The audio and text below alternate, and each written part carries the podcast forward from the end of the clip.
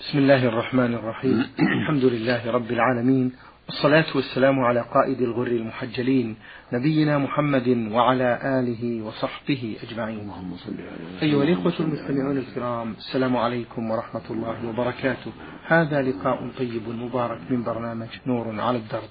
ضيف اللقاء هو سماحة الشيخ عبد العزيز بن عبد الله بن باز المفتي العام للمملكة العربية السعودية ورئيس هيئة كبار العلماء. مع مطلع هذا اللقاء أرحب بسماحة الشيخ عبد العزيز أجمل ترحيب فأهلا ومرحبا سماحة الشيخ. حياكم الله وبارك فيكم. هذا السائل من تشاد يقول في هذا السؤال سماحة الشيخ كنت أقوم بزيارة أهل الخير والعلماء والمشايخ ولكنني أحيانا أقوم بزيارة بيوت أهل البدع وقصدي بذلك أن أدعوهم إلى طريق السعادة وإلى طريق السنة. هل يكون هذا آه، فيه إثم مأجورين؟ بسم الله الرحمن الرحيم. الحمد لله وصلى الله وسلم على رسول الله وعلى آله وأصحابه ومن اهتدى بهدى. أما بعد فزيارة أهل العلم والإيمان من أهل السنة والجماعة وزيارة الإخوان في الله قربة وطاعة. أما زيارة أهل البدع فلا تجوز زيارتهم على سبيل المؤانسة والمحبة ونحو ذلك.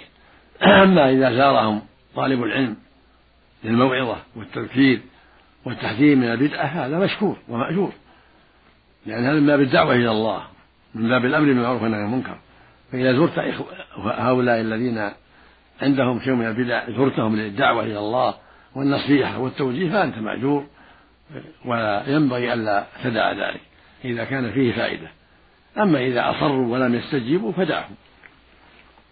أحسن الله إليكم. سماحة الشيخ يقول هذا السائل يوسف عباس من تشاد كنت أستغفر الله دبر الصلوات المكتوبة عشر مرات دون الاستغفار كما ذكره الرسول صلى الله عليه وسلم ثلاث مرات ونيتي في ذلك المداومة على فعلي هذا فقال لي أحد الأشخاص فعلك هذا بدعة هل لكم توجيه سماحة الشيخ؟ وهل كلام هذا الرجل صحيح؟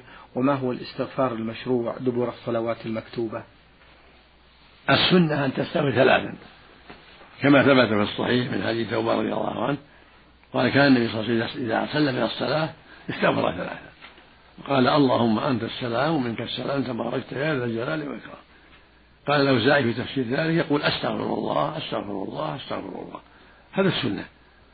فإذا استغفرت أربعا أو خمسا أو عشرا هذه زيادة بدعة. لكن إذا استغفرت بعد ذلك بعد الذكر فلا بأس. أما أول ما تسلم اقتصر ثلاث أستغفر الله أستغفر الله أستغفر الله. اللهم أنت السلام ومنك السلام تباركت يا ذا الجلال والإكرام. ثم تقول لا إله إلا الله وحده لا شريك له له الملك وله الحمد وهو على كل شيء قدير. تقولها مرة أو ثلاثة بعد كل صلاة. ثم تقول لا حول ولا قوة إلا بالله لا إله إلا الله ولا نعبد إلا إياه. له النعمة وله الفضل وله الثناء الحسن. لا إله إلا الله مخلصين له الدين ولو كره الكافرون. اللهم لا مانع لما أعطيت ولا معطي لما ولا ينفع ذا الجد منك الجد. لأن هذا قد ثبت عن النبي صلى الله عليه وسلم وفي الفجر والمغرب تزيد. لا إله إلا الله وحده لا شريك له له الملك وله الحمد يحيي ويميت وهو على كل شيء عشر مرات. بعدما ذكر. في الفجر والمغرب. بعد الذكر السابق تأتي بعشر مرات في الفجر والمغرب. لا إله إلا الله وحده لا شريك له له الملك وله الحمد يحيي ويميت وهو على كل شيء قدير. ثم تسبح الله وتكبره وتحمده ثلاثة وثلاثين بعد كل فريضة سبحان الله والحمد لله والله أكبر. ثلاث وثلاثين بعد الفجر والظهر والعصر والمغرب والعشاء. بعد الذكر المذكور. سبحان الله والحمد لله والله أكبر. ثلاث وثلاثين مرة. وتختم المئة بقولك لا إله إلا الله وحده لا شريك له له الملك وله الحمد وهو على كل شيء قدير. لما ثبت في الصحيح صحيح مسلم عن أبي هريرة عن أبي هريرة رضي الله عنه عن النبي صلى الله عليه وسلم قال من سبح الله دبر كل سنة وثلاثين وحمد الله ثلاثة وثلاثين وكبر الله ثلاثة وثلاثين وقال ثامنة لا إله إلا الله وحده لا شريك له له ملك وله الحمد وهو على كل شيء قدير. غفرت له خطاياه وإن كانت مثل جبل البحر. وهذا فضل عظيم. نعم وإذا استغفرت بعد هذا دعوت ربك بعد ذلك فلا بأس. نعم. أحسن الله إليكم سماحة الشيخ. السائل يقول هل النظر إلى النساء الأجنبيات يعد من الكبائر؟ الواجب غض البصر لأن الله يقول قل لمن يغضوا من أبصارهم. فالواجب غض البصر والحذر من أسباب الشر والفتنة. أما كونه من الكبائر فالله أعلم. هو معصية بكل حال والواجب غض البصر. أما الحكم عليه بأنه من الكبائر هذا محل نظر نعم. رجل كان في حياته يسرق أموال الناس ولكنه تاب إلى الله عز وجل ولا يعرف آه، هؤلاء آه، ولا يعرف أصحاب الأموال التي سرقها. يقول هذا السائل رجل كان في حياته يسرق أموال الناس ولكنه الآن تاب إلى الله عز وجل ولا يعرف هؤلاء آه، أصحاب الأموال التي سرق منهم. وإذا عرفهم قد يتسبب له بعض الإحراجات فماذا يفعل الآن سماحة الشيخ؟ وهل تقبل منه التوبة؟ وماذا يعمل بتلك الأموال التي قد سرقها؟ من هؤلاء الناس؟ عليه التوبة إلى الله والندم والإقلاع من ذلك والحذر من السرقة مستقبلا والاستغفار من ذلك والإكثار من العمل الصالح والعزم الصادق ألا يعود. هذه التوبة. يندم على الماضي ويقلع من ذلك ويعزم عزما صادقا لا يعود ويكثر من استغفار الله ومن العمل الصالح. كما قال الله سبحانه وإني لغفار لمن تاب وآمن وعمل صالحا ثم اهتدى. قال تعالى وتوبوا إلى الله جميعا أيها المؤمنون لعلكم تفلحون. وعليه رد الأموال إلى أصحابها إذا عرفهم. عليه أن يردها إليهم بالطريقة التي تمكن. ولو من غير أن يعلموا أنها منه يرسلها إليهم بواسطة من يرى حتى يوصلها إليهم. من طريق البريد أو من غير طريق البريد. ولا يجوز له عدم ردها بل يجب ردها إذا عرفهم بأي طريقة. على وجه لا يعلمون أنها منه. يعطيها إنسان ويسلمها لهم يقول لهم إن هذه أعطانيها إنسان يقول إنها حق لكم عنده. حق لكم عنده وأعطانيها أسلمها لكم والحمد لله. أما إن جهله فإنه يتصدق بها. يعطيها الفقراء بالنية عن أصحابها. يتصدق بالأموال التي سرقها بالنية عن أصحابها. كله لا يخلي شيء. أما إذا عرفهم ولو بعيدين ولو كانوا بعيدين يرسلها إليهم. بالطريقة التي تصلهم بها من دون حاجة إلى أن يعلموا أنها منه وسط من يرى من الناس الذين يوصلونها من الثقات ولا يبينون أنها منه نعم. أحسن الله إليكم الشيخ. السائل من تشاد ومقيم في السائل من تشاد يقول في هذا السؤال سماحة الشيخ جدتي كانت لا تصوم مع الناس وكانت تقول لا أصوم إلا إذا رأيت الهلال بعيني. وماتت على هذه الحالة ولم تصم. وأنا الآن أقوم بالتصدق على الفقراء وأقول اللهم ألحق أجر هذه الصدقة لجدتي وأطلب من الله عز وجل أن يغفر لها ذنوبها. هل دعائي هذا يصلها وهذا الأجر يصلها؟ سماحة الشيخ. هي غلطانة في هذا العمل غلطانة وجاهلة وأنت مأجور على الصدقة عنها وإذا صمت عنها الأيام اللي تركتها فأنت مأجور أو غيره من أقاربها. يقول النبي صلى الله عليه وسلم من مات وعليه الصيام صام عنه وليه يعني قريبه. فإذا صام عنها بعض أولادها أو بعض إخوتها أو بعض أقاربها كان ذلك حسنا وطيبا. مع الاستغفار لها والدعاء لها بالمغفرة والرحمة لأنها جاهلة. نعم. جزاك الله جزاكم الله خيرا سماحة الشيخ. متى يجوز للمسافر أن يقصر الصلاة؟ هل إذا خرج من المدينة أو يجوز له أن يقصر الصلاة قبل خروجه من المدينة؟ إذا خرج من المدينة إذا غادر البلد كان النبي صلى الله عليه وسلم لا يقصر إلا إذا غادر المدينة وصار في ذي الحليفة. إذا غادر بلده وانتقل وخرج عن دائرة البناء قصر. وهكذا إذا رجع يقصر حتى يدخل البلد. ما دام خارج البلد يقصر. وإذا كان المطار خارج البلد يقصر في المطار. نعم جزاكم الله خيرا سماحة الشيخ هل التسبيح باليد اليمنى أفضل بالنسبة للمرأة أو يجوز أيضا أيضا باليسرى؟ يجوز التسبيح باليدين جميعا ولكن باليمنى أفضل للجميع إذا سبح باليمنى يكون أفضل وإن سبح بهما الرجل أو المرأة كله طيب لا حرج نعم. تستفسر هذه السائلة عن الصلاة بعد فريضة الظهر وقبلها هل تجوز أربع ركعات؟ السنة الراتبة أربعا قبلها تسليمتين وثنتين بعد هذه الراتبة التي كان يحافظ على النبي صلى الله عليه وسلم. ولكن إذا صلى بعدها أربع يكون أفضل. إذا صلى بعدها تسليمتين يكون أفضل. لقوله صلى الله عليه وسلم من حافظ على أربع قبل الظهر وأربع بعدها حرمه الله على النار. أخرجه الإمام أحمد وأهل السنن بإسناد صحيح عن أم حبيبة رضي الله عنها أما الراتبة فأربع قبلها وثنتان بعدها. هذه الراتبة التي كان يواظب عليها النبي صلى الله عليه وسلم. تسليمتان قبلها وتسليمة واحدة بعدها. ولكن متى صلى تسليمتين بعدها كان أفضل من الحديث السابق. وهو قوله صلى الله عليه وسلم من حافظ على أربع قبل الظهر وأربع بعدها حرمه الله على النار. نعم. جزاكم الله خيرا سماحة الشيخ.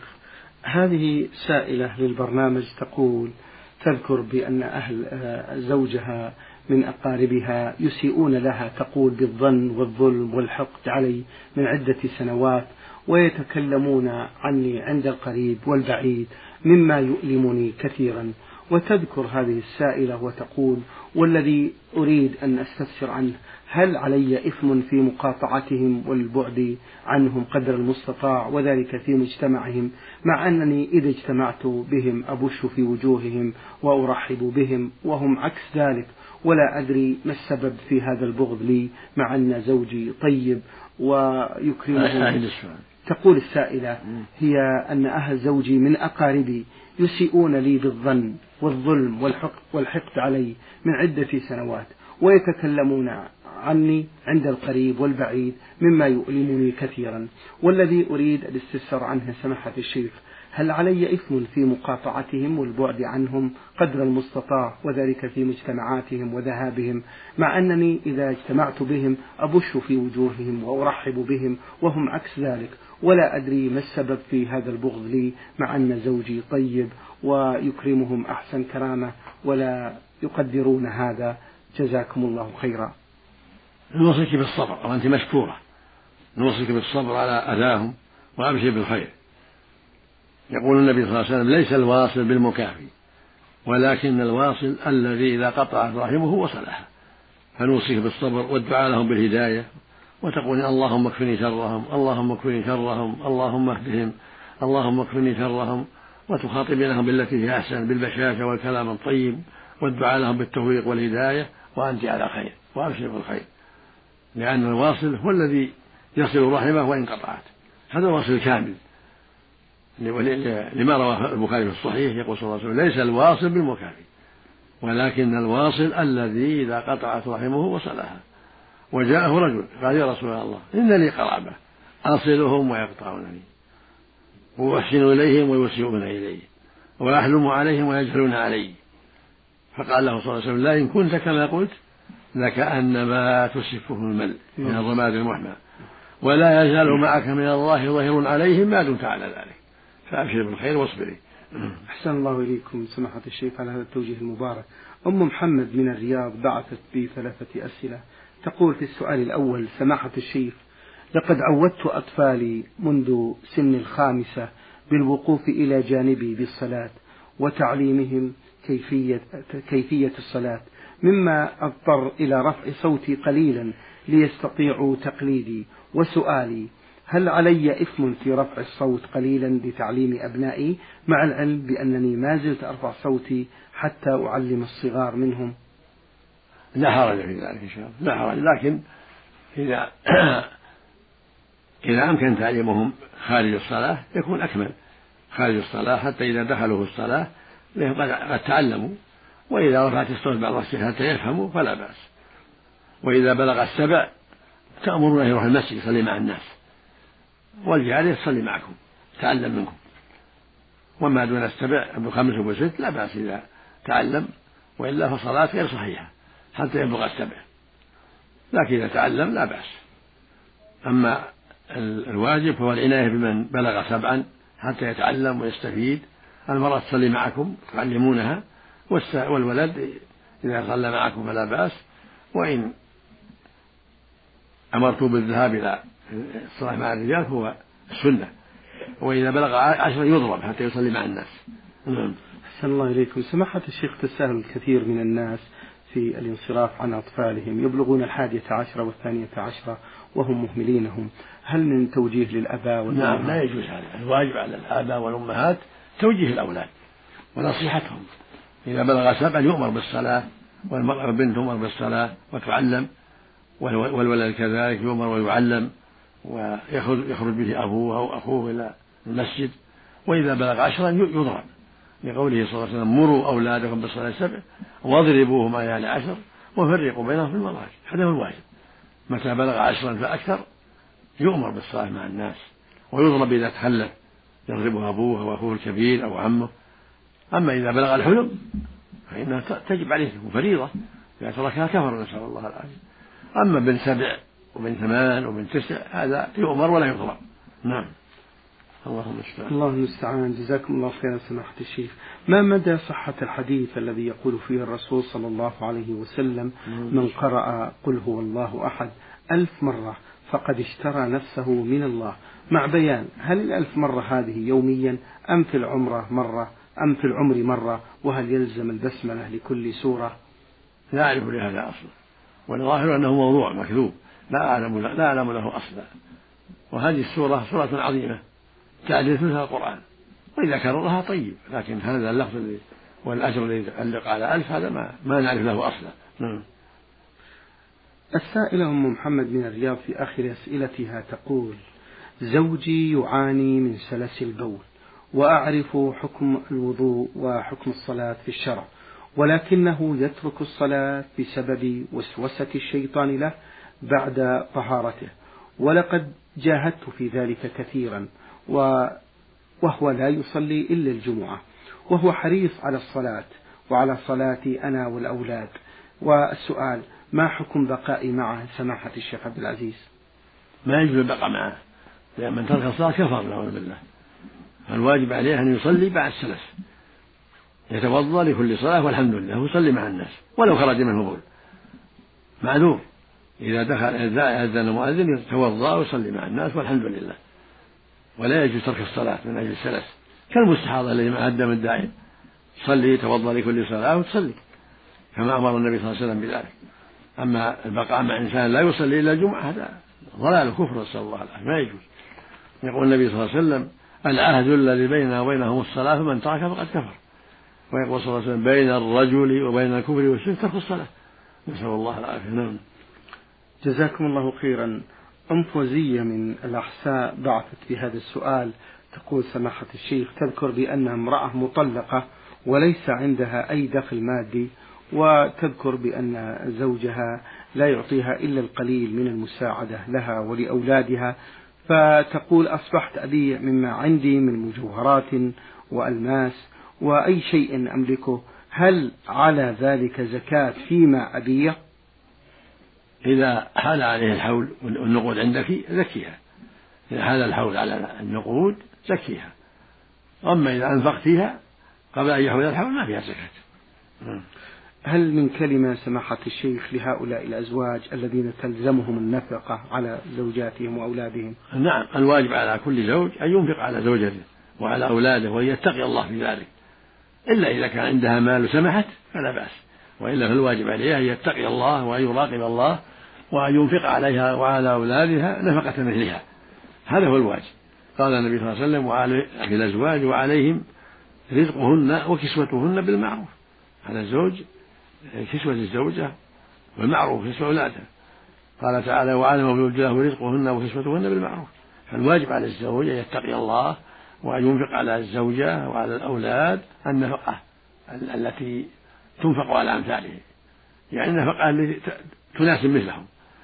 لا إسراف ولا تقتير إلا إذا كانت امرأة ملية وسامحتهم وأنفقت على نفسها فلا حرج. أحسن الله إليكم سماحة الشيخ وبارك الله فيكم وفي علمكم السائل سعد عبد الوهاب من خميس مشيط يقول صليت في أحد. صليت إحدى الجمع في أحد المساجد في إحدى القرى وعند انتهاء الخطيب من الخطبة ونزوله للشروع في الصلاة رأيته يقدم شخص آخر بدلا عنه وعند الانتهاء من الصلاة قام الشخص الآخر بإلقاء موعظة لمدة عشر دقائق وعند خروجنا من المسجد قال لي أحد المصلين بأن هذا لا يجوز خطبة على خطبة. لذا فإنه لم يجلس للاستماع إليها. فهل هذا صحيح سماحة الشيخ؟ لا حرج أن يصلي الجمعة غير الخطيب لا حرج. إذا رأى الخطيب تقديم أن يصلي الجمعة لا بأس. وإذا وعظ إنسان بعد الجمعة فلا حرج. والذي يقول خطبة بعد خطبة ليس عنده علم. فإذا وعظ واعظ بعد الجمعة وذكر مذكر بعد الجمعة فلا حرج والحمد لله. نعم. سماحة الشيخ الإفتاء بغير علم يتجرى بعض الناس ويفتون بغير علم هل من توجيه؟ الإفتاء بغير علم من أعظم الكبائر والذنوب العظيمة. يجب على المسلم أن يتقي, يتقي الله وألا يفتي إلا عن علم وعن بصيرة. يقول الله جل وعلا قل إنما حرم ربي الفواحش ما ظهر منها بطن والإثم والبغي بغير الحق وأن تشركوا بالله ما لم ينزل به سلطانا وأن تقولوا على الله ما لا تعلمون جعل القول على الله بغير علم في المرتبة العليا فوق الشرك. لعظم خطره وعظم فساده. قال تعالى في وصف الشيطان إنما يأمركم بالسوء والفحشاء وأن تقولوا على الله ما لا تعلمون. الواجب على كل مسلم أن يتقي الله وألا يقول إلا عن علم. نعم. جزاكم الله خيرا سماحة الشيخ. من سوريا آه السائل أحمد يقول في هذا السؤال أرجو الإجابة على سؤالي وهو إذا كان بين الكافر والمؤمن ترك الصلاة. فهل هذا يعني بأن تارك الصلاة كافر لا يقبل منه أن يحمل؟ هذا هو الصواب. اختلف العلماء في هذا. بعض أهل العلم يقولون لا يكفر إلا بالجهل إذا جحد وجوبها كالزكاة والصوم ونحو ذلك. والصواب أنه يكفر بذلك هذا الراجح. وإن كان القول الاقل هو الراجح. إذا تركها حتى خرج وقتها عمدا فإنه يكفر بذلك. لقول النبي صلى الله عليه وسلم بين الكفر بين الرجل وبين الكفر والشرك ترك الصلاة. رواه مسلم الصحيح. والكفر معرف والشرك معرف يطلق على الكفر الأكبر والشرك الأكبر. وفي اللفظ الآخر يقول صلى الله عليه وسلم العهد الذي بيننا وبينهم الصلاة فمن تركها فقد كفر. خرجه الإمام أحمد في المسند وأهل السنة الأربع أبو داود والترمذي والنسائي وابن ماجه بسند صحيح عن بريدة رضي الله عنه. وكان الصحابة رضي الله عنهم وأرضاهم يفرقون بين المسلم والكافر بترك الصلاة. إذا ترك الصلاة عرفوا أنه كافر. نسأل الله العافية. جزاكم الله خيرا سماحة الشيخ. هذه التي رمزت لاسمها بألف ميم عين تقيم بجدة مؤقتا تقول أنا مدرسة أعمل بمدرسة مشتركة بين البنين والبنات في إحدى البلاد العربية وأنا أعلم حكم الشرع في ستر وجه المرأة ومع حاجتي إلى العمل. فهل يجوز أن أكشف وجهي إذا اضطررت ذلك بسبب ظروف العمل؟ سماحة الشيخ. لا أرى لك ذلك. الواجب عليك أن تلتمسي. مدرسة ليس فيها رجال درسي البنات. أما مع الرجال فلا إلا مع الحجاب لا بأس. تحتجبين وتدرسين البنات لا بأس. أو البنين معهم مع الحجاب لا بأس.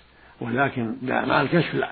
الواجب عليك تقوى الله والله يقول سبحانه وإذا سألتموهن متاعا فاسألوهن من وراء الحجاب ذلكم أطهر لقلوبكم وقلوبهن. نعم. أحسن الله إليكم سماحة الشيخ. تقول السائلة ميم ميم عين أفطرت أياما من رمضان منذ عدة سنوات لوجود العذر الشرعي لعدم علمي بوجوب قضاء تلك الأيام بعد ذلك ولذلك فلم أقضها حتى الآن. ما الذي يجب علي الآن أن أفعله؟ هل هو القضاء والكفارة أم القضاء فقط؟ أم أن عدم علمي بذلك يسقط عني القضاء؟ الواجب عليك أمور ثلاثة التوبة إلى الله من فعلك. والقضاء أيضا. وإطعام مسكين عن كل يوم نص صاع كيلو ونص عن كل يوم من قوت البلد. ثلاثة أمور التوبة والقضاء والإطعام عن كل يوم نص صاع وهو كيلو ونص من قوت البلد. يعطاها بعض الفقراء نعم أحسن الله إليكم سماحة الشيخ. هل يجوز للإنسان أن يعتمر عن بعض إخوانه في الله في عمرة واحدة؟ وماذا يقول إذا أراد أن يعتمر؟ نعم يجوز أن يعتمر أخي في الله. إذا كان ميتا أو عاجزا لهرم لهرم أو مرض لا يرجى برؤه يعتمر له أو يحج عنه مشكور ومأجور إذا كان بهذا الشرط إما ميت أو عاجز لهرم أو كبر سن أو لهرم أو مرض لا يرجى برؤه نعم. أحسن الله إليكم. سماحة الشيخ السائل الذي بعث بهذا السؤال يقول هل ثبت عن الرسول صلى الله عليه وسلم بأنه قال العمرة في رمضان تعدل حجة؟ هل يشترط أن يكون الإنسان صائم في ذلك اليوم؟ ثبت عن في الصحيحين أنه صلى الله عليه وسلم عمرة في رمضان تعدل حجة. هذا ثابت في الحديث الصحيحة؟ ولو كان غير صائم لو كان جاء مسافرا دخل مكة مسافرا لا يريد الإقامة فيها إلا يوم أو يومين أو ثلاثة مثلا يؤدي العمرة وهو مفطر الحمد لله. وإذا نوى الإقامة أكثر من أربعة أيام فالأرجح أنه يصوم. أما إذا قدم وهو مسافر ما ينوي الإقامة إلا يوم أو يومين أو ثلاث أو أو أو أربعة فأقل هذا له أن يبقى مفطرا ويصلي مع الناس تماما يصلي الأربع مع المسجد الحرام يتم مع الناس وله أن يفطر. وإن صام مع الناس فحسن. الأخ فيصل السعيد من الكويت. يقول في سؤاله رجل عنده أغنام كثيرة تجب فيها الزكاة وهو يطعمها ستة أشهر وترعى في البر ستة أشهر أخرى. ما مقدار الزكاة في هذا؟ أفتونا مأجورين. يقول الأخ فيصل رجل عنده أغنام كثيرة تجب فيها الزكاة وهو يطعمها ستة أشهر وترعى في البر ستة أشهر أخرى. ما مقدار الزكاة فيها؟ أفتونا مأجورين. إذا كانت للتجارة يزكيها كلها. إذا كان للبيع والشراء يزكيها زكاة التجارة زكاة الذهب والفضة. لأنها ما ترعى إلا أقل من أقل من أكثر السنة نصف السنة. أما إذا كانت ترعى أكثر السنة يزكيها زكاة السائمة المعروفة. أما إذا كانت إنما ترعى نصف السنة أو أقل ويعرف يعرفها فإن فيها زكاة التجارة إذا كانت للبيع. أما إذا كان للدر والنسل لا للبيع لشرب اللبن والدر والنسل فلا زكاة فيها. إذا كان لا ترعى إلا نصف السنة أو أقل. أما إذا كانت ترعى أكثر السنة فإنه يزكيها زكاة السائمة أو كان للبيع والشراء للتجارة فإنه يزكيها زكاة التجارة. نعم. إذا كان لا ترعى غالب السنة. شكر الله لكم سماحة الشيخ وبارك الله فيكم وفي علمكم ونفع بكم الإسلام والمسلمين. أيها الإخوة والأخوات أجاب عن أسئلتكم سماحة الشيخ عبد العزيز بن عبد الله بن باز المفتي العام للمملكة العربية السعودية ورئيس هيئة كبار العلماء. شكر الله لسماحته على ما بين لنا في هذا اللقاء الطيب المبارك وشكرا لكم أنتم. وفي الختام تقبلوا تحيات زميلي مهندس الصوت فهد محمد العثمان. والسلام عليكم ورحمة الله وبركاته.